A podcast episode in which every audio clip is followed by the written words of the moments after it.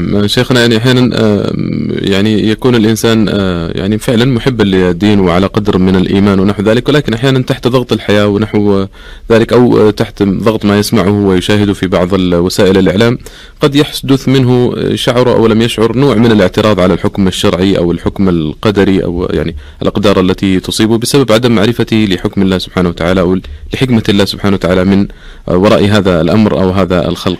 فيعني نريد يعني تعليق على هذه المسألة يعني. آه هذا الموضوع الذي نتحدث فيه فيه رعاك الله خطأان متلازمان يقعان من بعض الناس. أولهما التنقير عن الحكمة في كل صغير وكبير كما سبق. الأمر الثاني ربط الانقياد بمعرفة الحكمة. فسي يعني يقول القائل سأطيع أمره سبحانه إن ظهرت لي الحكمة منه. أو ربما لا يتجرأ هذه الجرأة القبيحة لكنه يقوم متثاقلا متشككا أو أنه ينظر إلى قدر الله سبحانه وتعالى بقدر كبير من الريبة. وهذا خطر عظيم. مبنى العبودية على الإيمان والتسليم. ومن التسليم عدم الاسترسال في التنقير عن تفاصيل الحكمة في الأوامر والنواهي والمقادير مع الإذعان والقبول والانقياد. إن ورد الشرع بذكر حكمة وفه وفهمها عقلك كانت هذه زيادة في البصيرة. لكن إن لم تظهر لا ينبغي أن يوهن ذلك في انقيادك. يا أيها المعظم لربك ولم يقدح في امتثالك. يقول أهل العلم ما سلم في دينه إلا من سلم لله عز وجل ولرسوله صلى الله عليه وسلم. ورد علم ما اشتبه عليه إلى عالمه. ولا تثبت قدم الإسلام إلا على ظهر التسليم والاستسلام. فمن رام علم ما حضر عنه علمه ولم يقنع بالتسليم فهمه حجبه مرامه عن خالص التوحيد وصافي المعرفة وصحيح الإيمان. فيتذبذب بين الكفر والإيمان. ولذا لم يحكي الله سبحانه عن أمة صدقت نبيها وآمنت بما جاء به أنها كانت تسأله عن تفاصيل الحكمة فيما أمرها به ونهاها عنه وفيما بلغها عن ربه.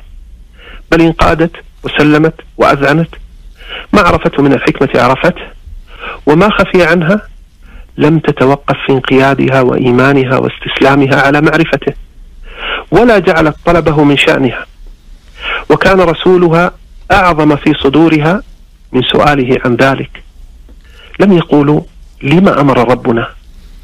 ولكن قالوا بما أمر ربنا.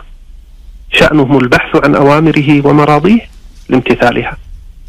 أما المعترض المعترض على حكمة ربه فما أضعف إيمانه وما أضعف عقله. حدثني يا أستاذ عبد الله بما ترى في رجل هو أحذق الناس بصناعة من الصناعات. قد أحكم آلاتها وأسبابها على أكمل الوجوه. ثم جاء رجل جاهل لا مناسبة بينه وبين ذلك الحاذق بوجه من الوجوه فأخذ يعترض عليه في أجزاء تلك الصناعة وآلاتها ومقاديرها. يقول هل كان هذا أكبر من هذا؟ وهذا أصغر من هذا؟ أو كان هذا في موضع كذا وكذا؟ أليس هذا يا أستاذ عبد الله مما يسخر منه العقلاء فعلا. ويعدون صاحبه في زمرة السفهاء؟ فعلا. يعني أنا لو جئت الآن إلى طبيب يفصل طفلين سياميين مثلا أو طيار يقلع بطائرته أو مهندس يعد لإنشاء جسر من الجسور. كلها أشياء في غاية الدقة وأنا جاهل بهذه الأمور تماما. ثم جئت آه، أتفلسف كما يقولون. قل هذا من هنا يصلح لا تفعل كذا. أنا لا أفهم حكمة لكذا. مع ملاحظة أنه يمكن لهذا المعترض إن اجتهد وتعلم أن يشارك الأستاذ الحاذق في صناعته بل وأن يتقدم عليه فيها.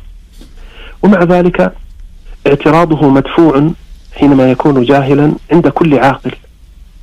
فما الظن بالاعتراض على من لا شريك له في حكمته ولا شبيه له في علمه؟ أفلا يستحي من يرى قبح اعتراض مخلوق مفضول على مخلوق فاضل ثم يعترض على حكمة أعلم العالمين وأحكم الحاكمين سبحانه؟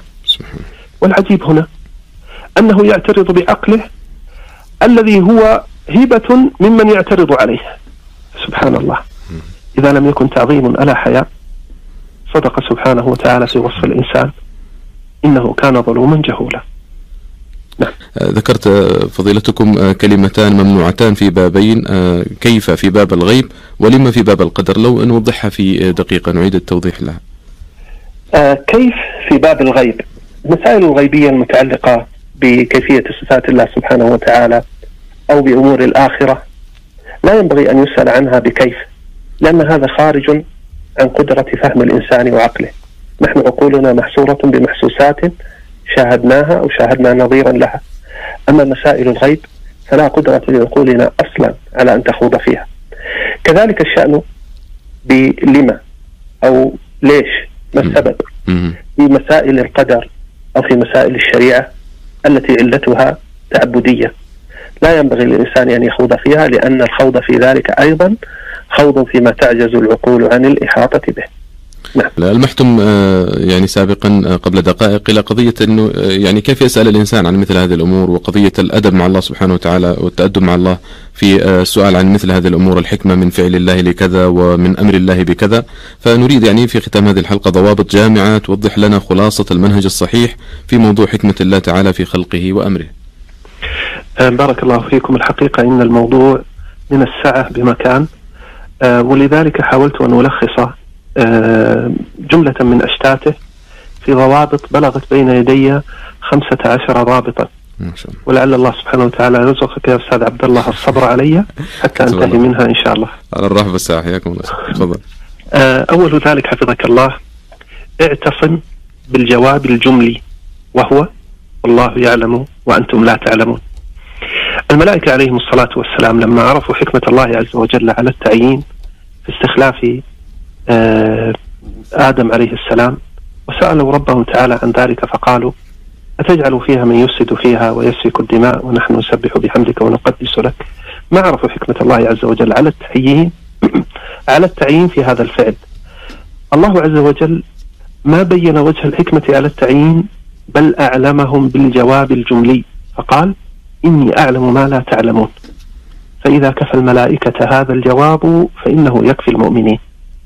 يجب القطع بأن جميع ما يشتبه على العقول من شأن أفعاله وأقداره سبحانه غير خاف عن آه، عفوا غير خال عن الحكمة والمصالح والغايات الحميدة. وإن كنا نجهل التفصيل. ولذلك كانت الإشارة بقوله سبحانه إني أعلم ما لا تعلمون. فلو لم تكن الحكم مرادة في أفعاله ما سألت عن ذلك الملائكة.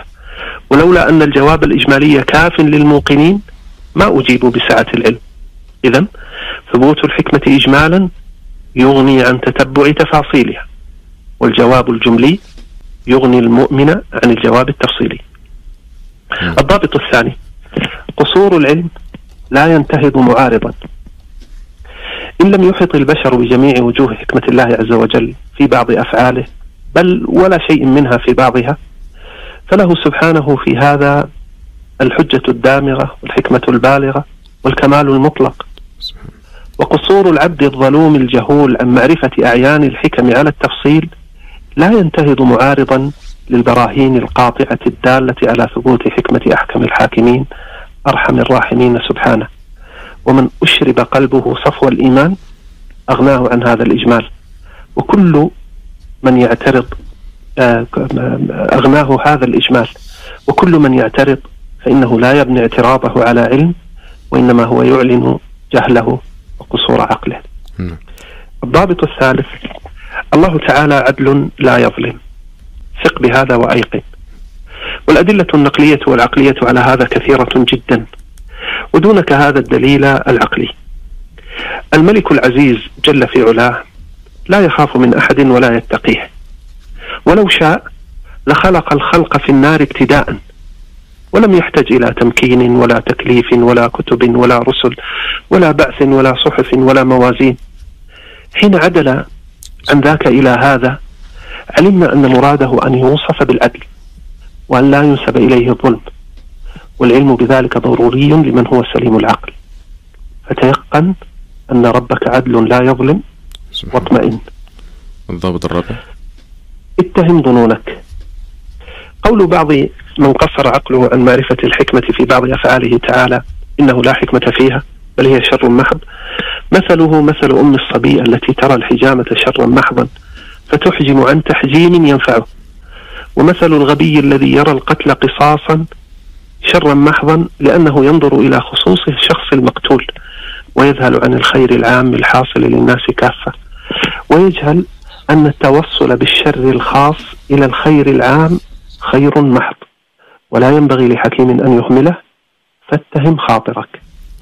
الضابط الخامس فرق بين ما يقصر العقل عن دركه وما يعلم العقل استحالته أي بين ما لا يعلم العقل ثبوته وما يعلم العقل انتفاءه بين محارات العقول ومحالات العقول. فإن الرسل عليهم الصلاة والسلام قد يخبرون بمحارات العقول وهي ما تعجز العقول عن معرفته ولا يخبرون بمحالات العقول وهي ما يعلم العقل استحالته. فهذا لا يأتي في الشرع البتة. الأمر السادس تأمل تأمل استرشاد لا انتقاد لا يعرف طرفا من الحكمة في الشريعة إلا من فتح الله عليه وأقبل بصدق على تأملها بتجرد لا بانتقاد. أما من نظر إلى الشريعة بانتقاد فلن يفتح له باب المعرفة. إن الذين لا يؤمنون بآيات الله لا يهديهم الله. أما الذي ينظر إليها طالبا الرشد فهذا الذي يفتح عليه وستبين له من الأسرار ما يخفى على كثير من الناس. فآمن تهتدي. لنتأمل آيات ربنا تأمل استرشاد لا تأمل انتقاد الضابط السابع تذكر كمال الرب ونقص العبد. ليتذكر الإنسان ما يعلمه من نفسه من جهله من قلة علمه من تردده في الأمور من حيرته في أشياء سهلة. ليتأمل في رجوعه عما كان عليه مرارا من وجدانه للشيء بعد اليأس منه. فإن علم الإنسان بأحوال نفسه ضروري وهو حجة عليه. كما قال تعالى بل الإنسان على نفسه بصيرة. وقد وصفه العليم الخبير بأنه ظلوم جهول. كما عليه أن يتذكر التفاوت العظيم بين الخلق في البلادة والذكاء ومعرفة الدقائق وحدس العواقب فكيف التفاوت بين الخلق وخالقهم الذي هو العليم العظيم سبحانه وتعالى؟ الضابط الثامن استدل بما عرفت على ما غاب عنك. حسب العقول الكاملة أن تستدل بما عرفت من حكمته سبحانه على ما غاب عنها وتعلم أن له حكمة في كل ما خلق وشرع. والمدبر الحكيم من البشر إذا ثبتت حكمته وابتغاؤه الصلاح لمن تحت تدبيره كفته هذه المعرفة عن تتبع مقاصده في تفاصيل كل فعل من أفعاله. فما بالك برب العالمين؟ أحكم الحاكمين وأعلم العالمين أعلم العالمين وأرحم الراحمين. إذا ثبوت الحكمة إجمالا يكفي عن يكفي عن تتبع تفاصيلها.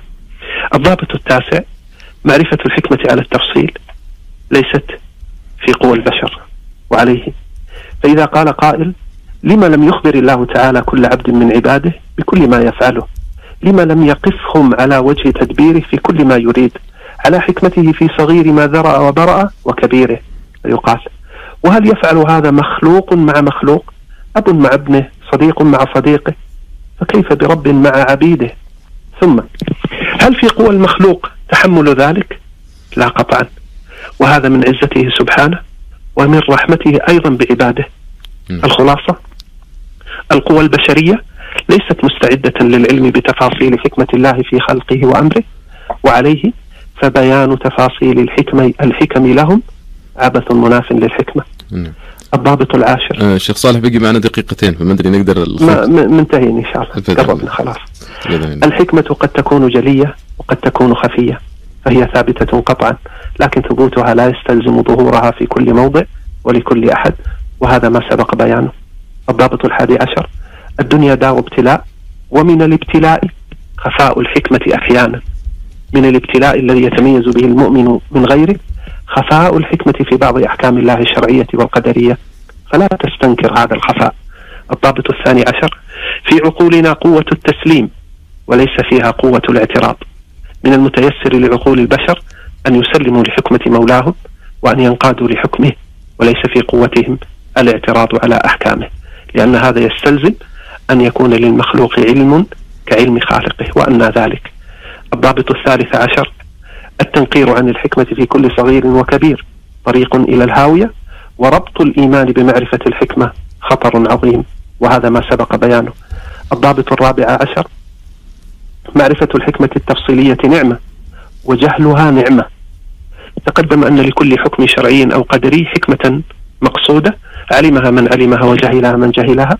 إن ظهرت للعبد حمد الله وازداد يقينه بحكمة ربه وعظمة دينه وقدره. وإن لم تظهر ازداد إيمانه أيضا بتسليمه لربه وقبول ما عجز عقله عن إدراكه لأنه جاء من عند الله. الضابط الخامس عشر.